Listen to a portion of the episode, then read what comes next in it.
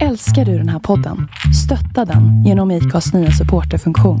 Det är helt upp till dig hur mycket du vill bidra med och det finns ingen bindningstid. Klicka på länken i poddbeskrivningen för att visa din uppskattning och stötta podden.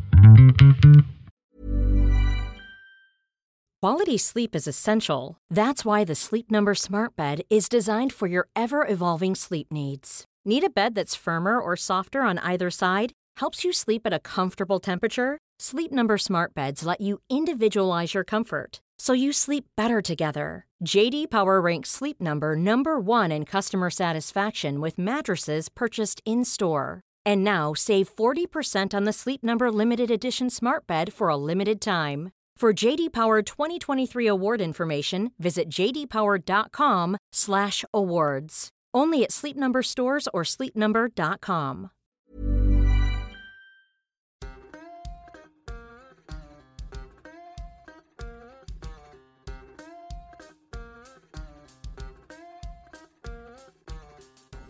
I den här podden så brukar vi prata med spännande människor som har spännande erfarenheter. Men det är väldigt sällan jag får tag på någon som befinner sig mitt i någonting som kommer med all tydlighet betecknas som någonting historiskt.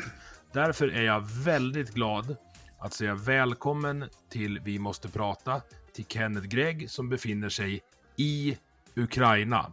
God dag Kenneth, och du, ville, du kan inte berätta var du är ens, visst var det så? Hej! Nej, för tillfället inte. Eh, vi har ett uppdrag så att, eh, att det är eh, tyvärr inte, men det framkommer senare. Ja, det är uppfattat. Men om vi, om vi backar bandet då. Vart växte du upp? Vart föddes du? Och hur gick din historia till att du är där du är idag? Jag är barnfödd i Poromo. Eh, Idag så heter den kommun Pedersöre, det är i Österbotten.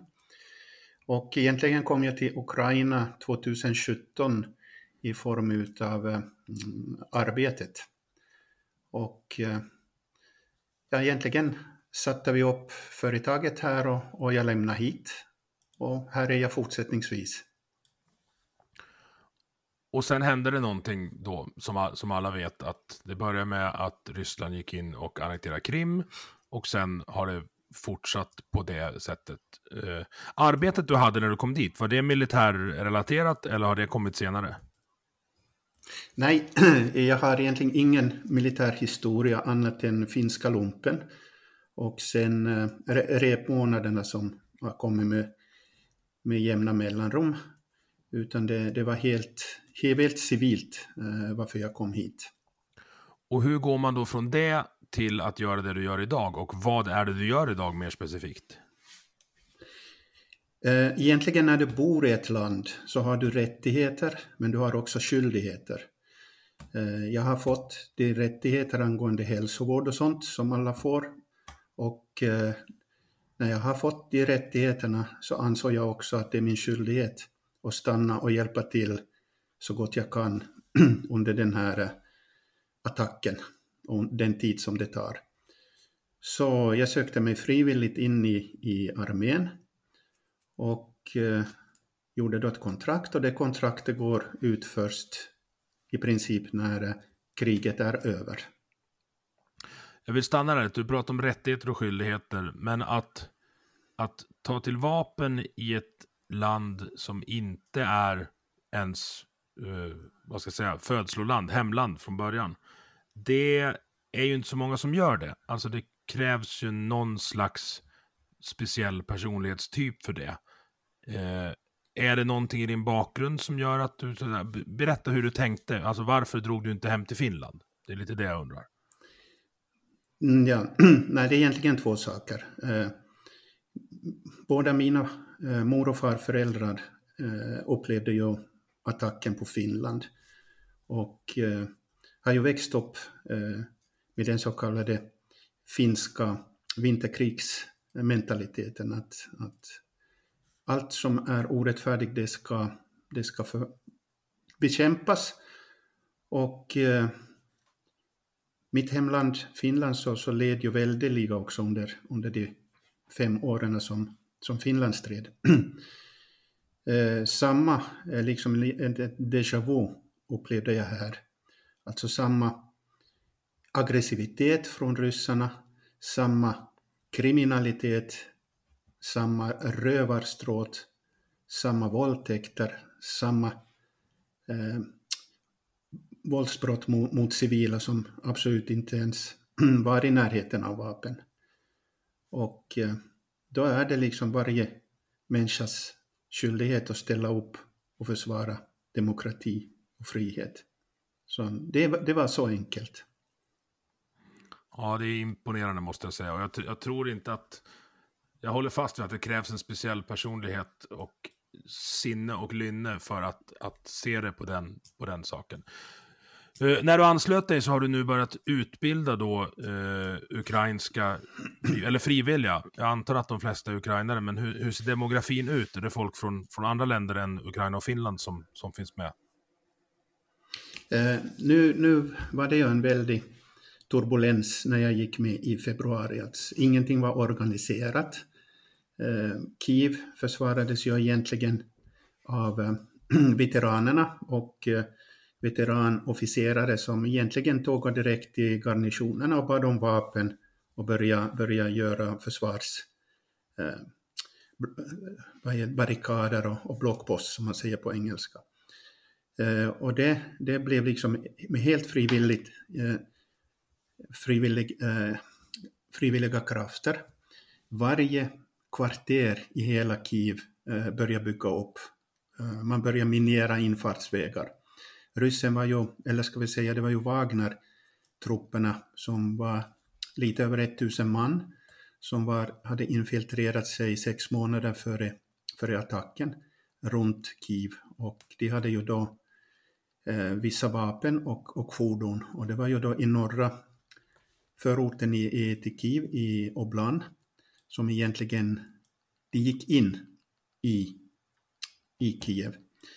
Och eh, det stoppades då utav våra veteraner och vi har ju en hel del veteraner, eh, då som har, folk som har varit med i kriget i Donbass ända sedan 2014. Och det var egentligen tack vare det som, som den här elitstyrkan Wagner eliminerades totalt. Och äh,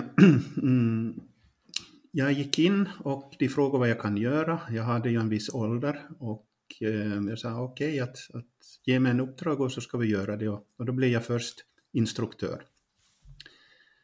Och då utbildade jag min, min första grupp tillsammans med en, en ukrainsk kollega.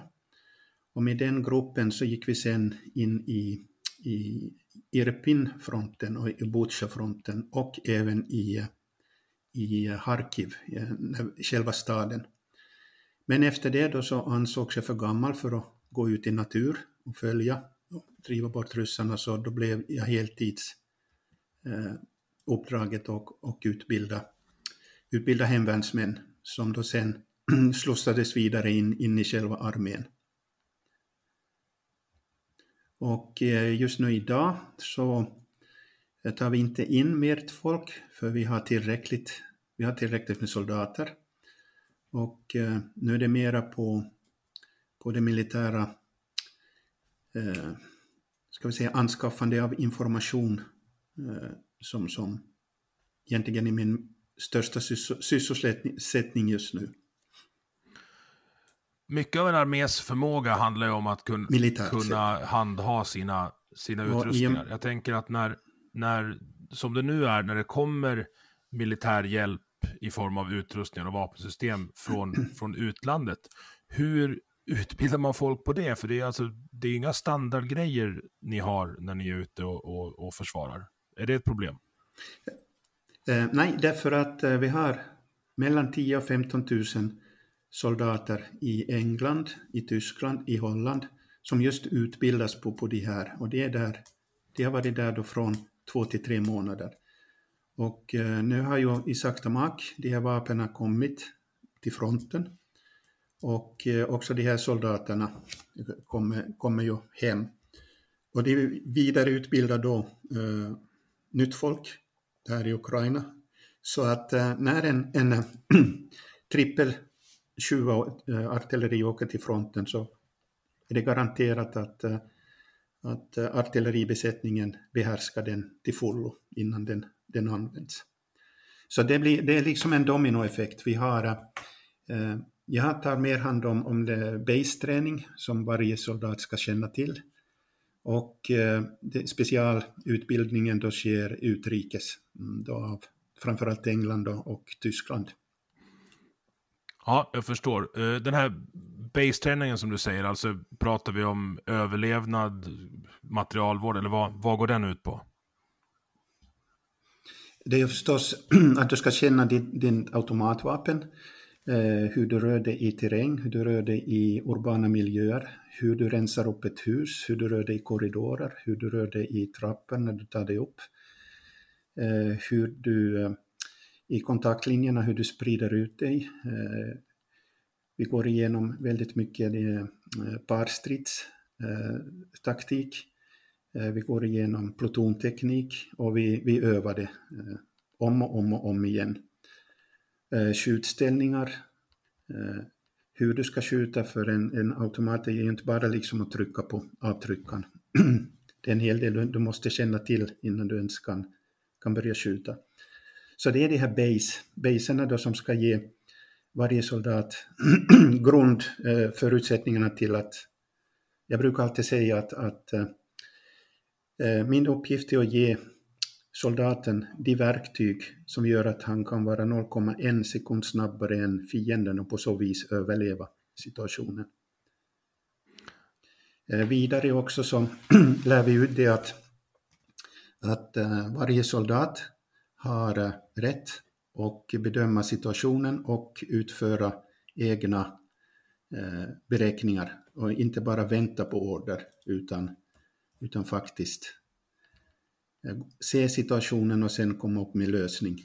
Och det är ju det nu som, som faktiskt börjar ge resultat ute vid fronten att, att eh, vi har små grupper som eh, går långt in i fiendeland, framförallt nu i eh, Harkiv-regionen. Eh, väldigt mobila, snabba, små eh, grupper som, som är samspelta och har eh, kommunikationskontakt. Och allt detta utgår ifrån eh, bas, eh, basövningarna. Om vi ska möpa ner oss lite då, så du säger utan att, utan att ge, ge fienden någon information, men så här, mobila, snabba grupper. Vad, alltså hur ser utrustningsnivån ut där och vad är, det, vad är det för fordon och vad är det för uppdrag? Eh, vi kan kalla dem lätt infanteri ja, det är de eh, pickuper, ombyggda sandloppor. Eh, vi har eh, otroligt många, mycket folk som, som kommer upp med nya innovativa idéer och, och sänder olika fordon till, till frontlinjerna. Och där är det att eh, vi har väldigt mycket öppna fält och det gör att vi måste kunna köra slalom eh, genom det, det ryska artillerielden. Eh, och ett, ett väldigt rörligt, snabbt rörligt föremål är väldigt svårt att träffa med, med ett artilleri, utan det, det blir då en, en brandvägg som de måste skjuta upp på.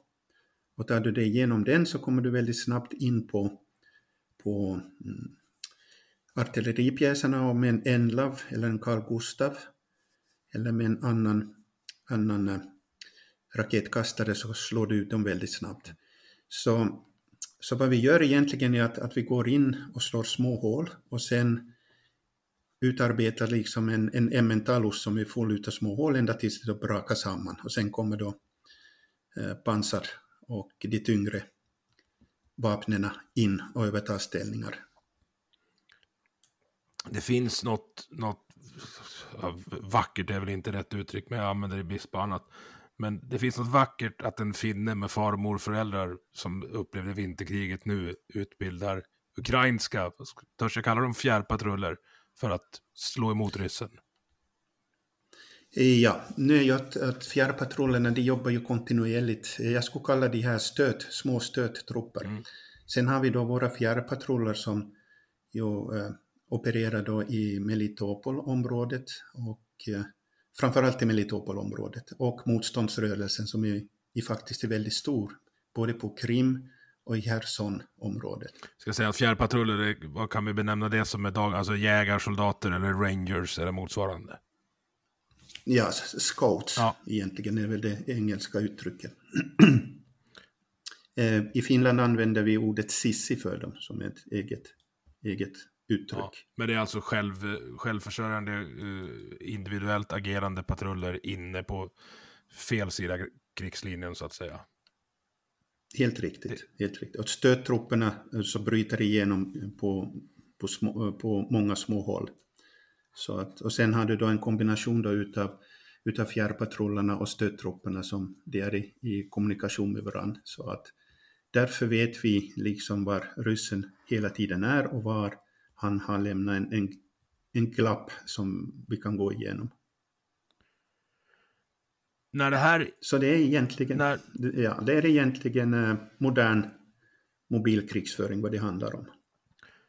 Och det, det är ju fan, ett fantastiskt motstånd och återtagande som har skett. För när det här inleddes så pratades det om en specialoperation som skulle vara över ganska snabbt. Men det blev inte så. Alltså vad, vad är det som gör att det här folket kan stå emot på det här sättet? Ehm, det är om man har bott här, det, det tog för mig ett halvt år eh, för att inse att vad, vad det här landet egentligen består utav.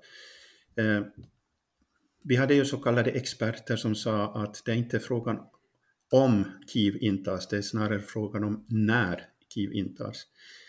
Men om man hade följt med, sett våra parader, hade sett eh, militärutställningarna som arrangeras varje år här och eh, sett hur folk liksom mm, gick in på, på Majden för att, att försvara den frihet som man då hade vunnit. Plus att man då egentligen kan säga att, att eh, senaste presidentval egentligen var den första riktigt demokratiska valet som, som arrangerats. Så då förstår, för, förstår man väldigt snabbt att, att det här folket absolut inte vill gå, gå tillbaka in i någon sovjetisk, rysk, imperialistisk eh, system.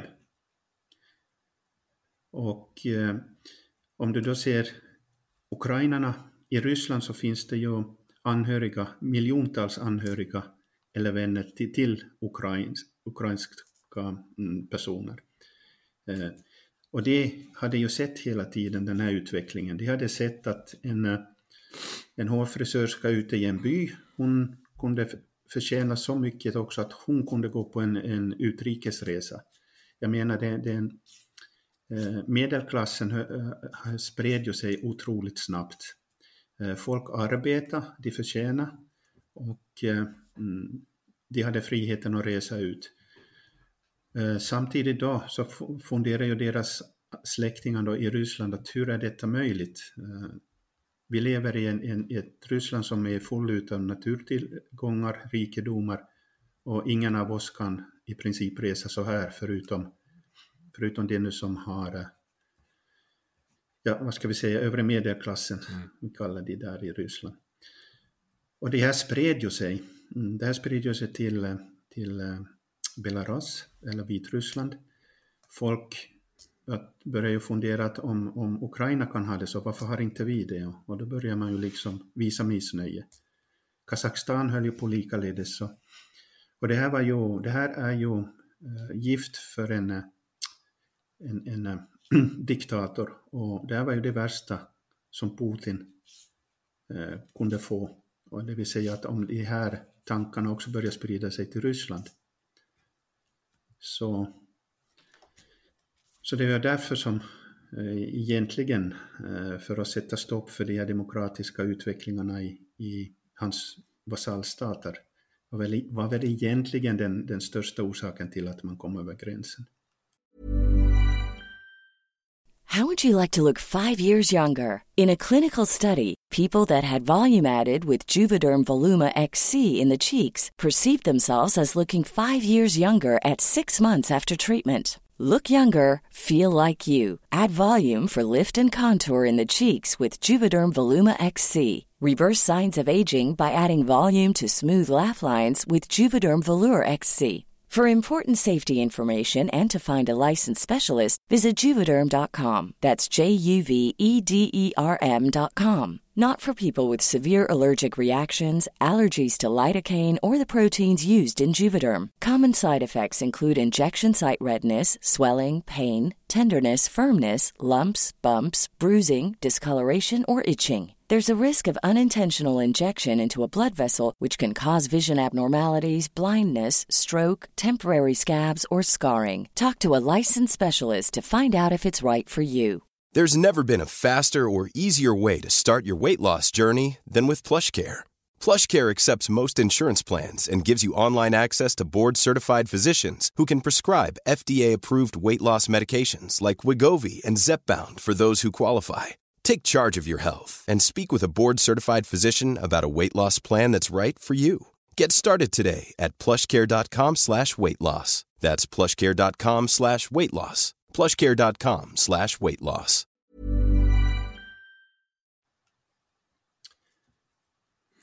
Ja, jag blir, alltså jag blir rörd. Eh, det är inte ofta jag sitter och, och små, smågråter under inspelningarna, men det är alltså, jag sitter och tittar på kartan. Det är ju inte så jävla långt hemifrån som det här händer. Eh, vad, jag tänkte avsluta med det, men jag tar det så här. Vad, vad, kan, vad kan övriga världen göra för att hjälpa? Dels på stats och militärnivå, men också vi då? En, alltså, på, ner på familjenivå i Sverige och övriga Europa. Vad, hur kan vi hjälpa till? Eh, väl- med två väldigt enkla saker. Nummer ett är att, att eh, ta reda på sanningen om vad som sker, varför eh, Ryssland attackerar oss. Varför de vill, som de eh, säger, att de vill utrota hela nationen. Eh, elitpolitikerna i, i Moskva Eh, eh, säger ju så varje dag. Eh, sen, liksom informera er om vad som egentligen sker. Och eh, hjälp till med, med det finns olika hjälporganisationer. Eh, en 10 kronor kan betyda livet för en.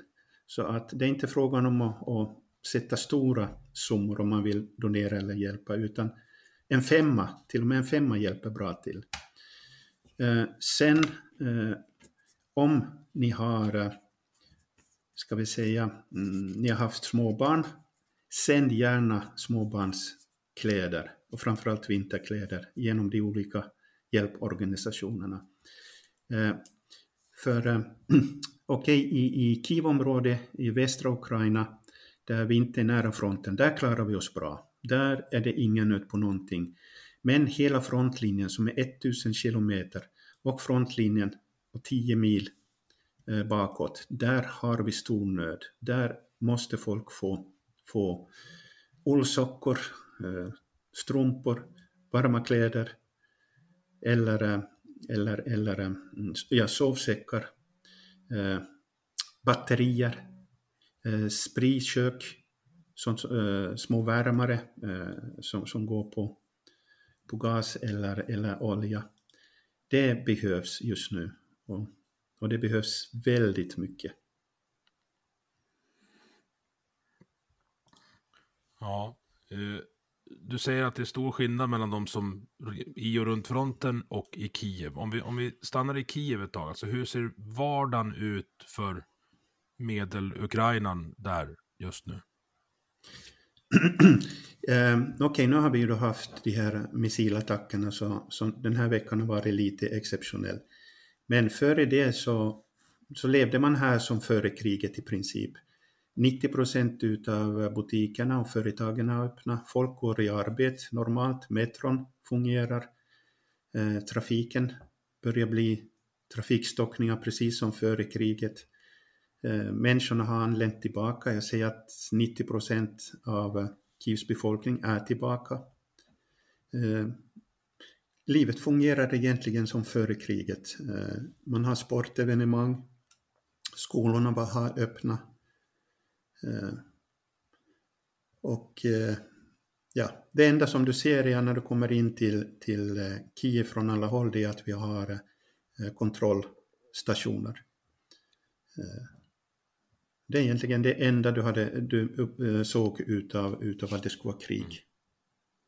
Och att fortsätta leva som vanligt är ju i sig en motståndsaktion. Ja, jag brukar säga att vi, vi, eh, vi går krig på tre olika fronter. Eh, den militära fronten, ekonomiska fronten. Och med ekonomisk front är ju då att, att vi måste få, folk måste få kunna jobba och, och få lön för att kunna överleva. Vi måste få företag och sånt som gör att vi kan få in skattemedel. Och sen har vi då den eh, psykiska sidan och det är då att, att inte bli i, i depression utan sysselsätta sig med någonting och, och, där är ju sport och kultur är väldigt viktigt för Ukraina. Mm. Och i, i bland, bland annat i Kiev då så, så har man lyckats väldigt bra med det här. Och det retar ju förstås också gallfeber på, på de pro-ryska personerna.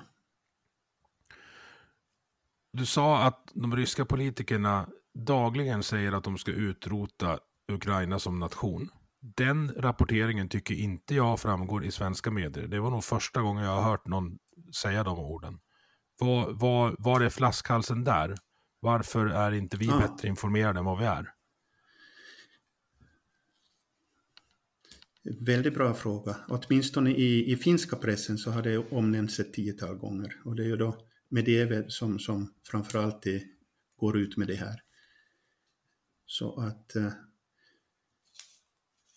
Ja, jag vet faktiskt inte. Men det här i, i, om du ser, går igenom finska pressen så, så har det varit ett tiotal gånger. Alltid när de, när de uttalar sånt så blir det en, en notering i, i, åtminstone i finsk press.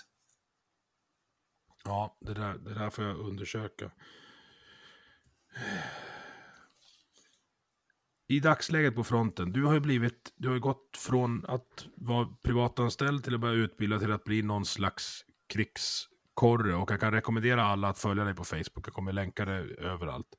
Hur, hur gick den transitionen till? Alltså när tänkte du att men nu måste jag skriva och berätta vad fan som händer?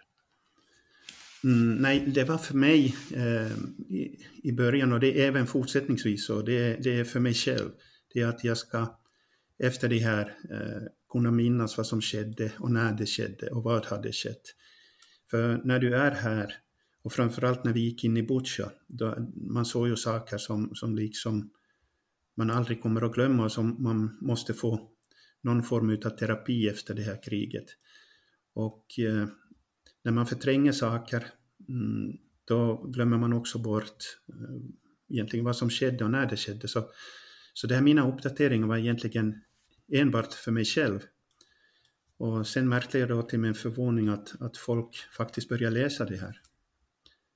Eh, och eh, jag tar ingen press på att jag måste komma upp med en uppdatering utan om det sker någonting och, och sånt så skriver jag, men jag skriver inte en uppdatering bara för uppdateringens skull. Mm. Så att eh, jag anser mig inte som en, en korrespondent på det här, men jag försöker skriva vad som sker, orsaker till när det sker och konsekvenserna. Om, om folk gillar att läsa det så jag är bara glad för det. Ja, jag är ytterst tacksam att jag, jag har hittat dig. Det är, det är skrämmande och intressant. Alltså det, det minsta man kan göra som du säger, det är att hålla sig själv informerad så att man vet, vet vad som händer. Eh, krigslyckan, om man nu kan kalla den, det verkar som sagt gå bra för den ukrainska sidan i det här. Hur tror du att det här kommer sluta? Om det är, alltså, jag, jag, ja, kör du, för jag vet, jag vet inte. Jag ser inget slut på det. Nå, nu är ju det samma experter som påstod att uh, Kiev kommer att falla inom, inom några veckor. Så det, för, det förutser ju nu att, att kriget ska vara slut före nyår. Men det kommer ju förstås inte att ske.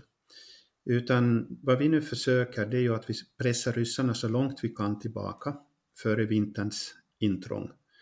Eh, och eh, samtidigt eh, försöker vi pressa det bakom de försörjningslinjer så att vi kan köra av försörjningslinjerna till dem. I Kherson, vi har ju i princip omringat Kherson. Vi kan ju förstöra mm, alla broar med, med Himars och övrigt och förhoppningsvis också Archer som ju ska vara på väg hit. Alltså svenskt artilleri? Så att svenskt artilleri. Eh, vi, vi kan hålla dem där. Va? Och, och eh, då är ju att eh, när vi håller dem där och de är fast där och inte får underhåll så svälta, svältas de ju ut. Vi, vi har råd att, att göra det här sån under vintern. I eh, öst så är det ju nu viktigt att vi, vi ännu avancerar åtminstone halvvägs in i Luhansk för att sätta upp riktiga försvarslinjer där och skära av norrifrån försörjningen. Eh, sen har vi då Zaporizjzja Zaporozhia och Melitopol. Där kommer det att ske vissa saker inom en nära framtid och likaledes på Donbass. Så vad jag ser är att, att vi kommer att pressa dem på alla fronter, en 5-6 mil före det blir vinteruppehåll. Och under vinteruppehållet eh, är vår uppgift att se till att ryssarna inte får eh, försörjning. Och för vår del är att vi bygger upp eh, starka attackställningar eh, mm, inför nästa vår. Men eh, före nästa sommar, sommar så är det här över om inte, om inte någon börjar ge ryssarna militär hjälp. Det vill säga eh, att de skulle få mm, elektronisk, elektriska utrustning och sånt för att börja, för att börja göra Eh, precisionsvapen. De kan ju göra bomber och, och, och, granater, det är ju, vem som helst kan ju göra det med lite kemikunskaper. Det kan de göra i, i hur mycket som helst och de har garanterat hur mycket som helst i lager någonstans i Ryssland. Men om du inte har en infrastruktur som gör att du får dem till fronten så spelar det ingen roll hur mycket du har och det är i vår uppgift att se till att de inte når fronten. Så om, om vi kan göra det här, eh, då, är nog, då har vi åtminstone vapenstillestånd i, före, nästa, före nästa sommar. Finns det en risk med att pressa ryssarna? Alltså det pratas ju om kärnvapen titt som tätt från det hållet. Ser du att det är i spel? Nej, eh, det här med kärnvapen eh, har blivit en liten hysteri. Man, man pratar om taktiska kärnvapen. Okej, du har en taktisk kärnvapen, en liten sprängladdning. Eh, men om du använder sådana så, så måste du använda artilleri och då har det en räckvidd på, på fyra mil. Och du behöver inte en eller två, du behöver tiotals sådana. Samtidigt efter det så måste du ha en, en infanteri som, är, eh, som kan ta de här markerna som du har eh så att säga förberett genom att bomba det med en taktisk kärnvapen. De må ha utrustning, skyddsutrustning och för att inta de här områdena. Och det har ryssarna inte idag. Och skulle man då sända en, en eh, till exempel mot Kiev, en, en atombomb, då, då har vi tredje världskriget och det tror jag inte heller de största hökarna i Moskva vill ha, för det, det betyder att det finns inget Moskva mer. Nej, för alltså det som jag upplever utifrån det är ju att ryssarna har ju spänt musklerna genom alla år och nu har deras stridskapacitet testats mot några som inte har något annat alternativ än att slåss. Och det blir ju en, en skillnad i incitamentstrukturen då för hur mycket man är villig att ge. För rys, alltså jag tänker den enskilda ryska soldaten har ju ingen anledning att, att ha agg mot Ukraina, eller är jag fel ute då? Mm, Nej, det, vi har ju krigsfångar och, och det säger ju alla det att det är eh, väldigt få som egentligen har varit frivilliga för att gå hit. Eh, 90 procent av dem är ju, är ju garanterat det att, att eh, de har liksom blivit lurade eller tvingade in hit. Och, och det har ju att göra med den eh, propaganda som man har haft i Ryssland de senaste 20 åren. Eh, och, och, det är ju också en, en, eh, en chock för de ryska soldaterna som kommer till fronten och ser vad, vad har de för utrustning och vad har, vad har vi för utrustning. Mm. Och, och, det framkommer ju väldigt mycket i de här eh, avlyssnade samtalen som, som de ryska soldaterna gör hem. Och, och det, de förstörde ju dessutom mm, de här kommunikationsstolparna så de måste ju använda ukrainska simkort för att kommunicera med varandra. Och så, så det är ju att avlyssna. Ja, jag vet att du har eh, tajt om tid och uppkopplingen ner dit, dit du nu är. För vet, vi vet ju inte vad det är för du på uppdrag. Eller du vet vad det är. Jag har ingen aning. Eh, är det någonting avslutningsvis du vill säga till, till svenskarna? Vad, vi, vi pratade om barnkläder och pengar. Vad, vad kan vi göra mer? Eh, framförallt, eh, nu har, vi ju, nu har jag ju eh, journalister från Dagens Nyheter med mig. Och eh, de kommande, de kommande två veckorna att skriva väldigt viktiga, väldigt viktiga mm, artiklar. Att, att läs dem, läs dem för att skaffa er eh, information om vad som sker. Och efter det så har också SVT ett team. Så att åtminstone nu tre, tre veckor framåt, fyra, fem veckor framåt kommer det att vara väldigt mycket eh, äkta reportage som inte är spekulation utan, utan lite som mina uppdateringar att det här är det som sker just nu. Eh, det kommer att, att, att, ta bort en massa villfarelser som, som cirkulerar genom, genom alla de olika telegramkanalerna och proryska kanalerna som, som sprider, försöker sprida eh, vilseledande information. Det är absolut det viktigaste nu. Att, att riktigt se och läsa det som, som är sanningen och inte, och inte de här, ska vi säga, fake-nyheterna. Ja, fo folkomröstningar och denazifiering och uh, ja, det, det dyker upp en del riktigt skeva uh, bilder vad jag förstår. Ja, ja det gör ju det. Det gör ju det så att så det är skaffa rätta information. Det finns, eh, det finns nyhetsmedia som, som försöker sprida vad som sker och inte, inte vad som spekuleras. Och just nu med då vid frontlinjerna och eh, de olika befriade städerna och samhällena så, så är just nu då som sagt eh, DNs reporter, reporter här och eh, senare kommer SVTs. Ja, tack Kenneth för att jag fick prata med dig. Jag kommer, vi, vi får länka till din Facebook och till ja, bra nyhetsorganisationer och även möjligheter att hjälpa till kommer ligga i avsnittsbeskrivningen. Eh. Absolut. Och på min Facebook-sida finns det organisationer och, och de, eh, ska vi säga, projekt som är på gång. så, så där är det bara att välja vilka, vilka man vill understöda. Och som sagt, en femma gör, gör skillnad. Det behöver inte vara 500, en, fem, en femma gör stor skillnad också. Och du gör stor skillnad och jag är jätteglad att, att du finns och att jag fick prata med dig. Som sagt, jag, jag gör det som är min skyldighet. Ingen, ingenting mer. Det är min skyldighet. Du har lyssnat på Vi måste prata som produceras av mig, Emil Nilsson.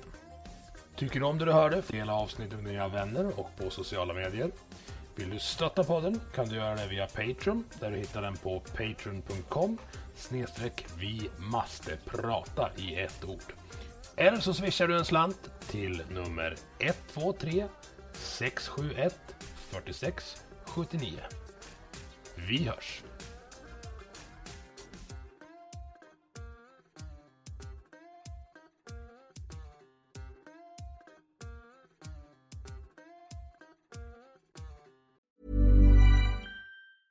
A lot can happen in three years, like a chatbot may be your new best friend. But what won't change? Needing health insurance. United Healthcare Tri Term Medical Plans, underwritten by Golden Rule Insurance Company, offer flexible, budget friendly coverage that lasts nearly three years in some states. Learn more at uh1.com.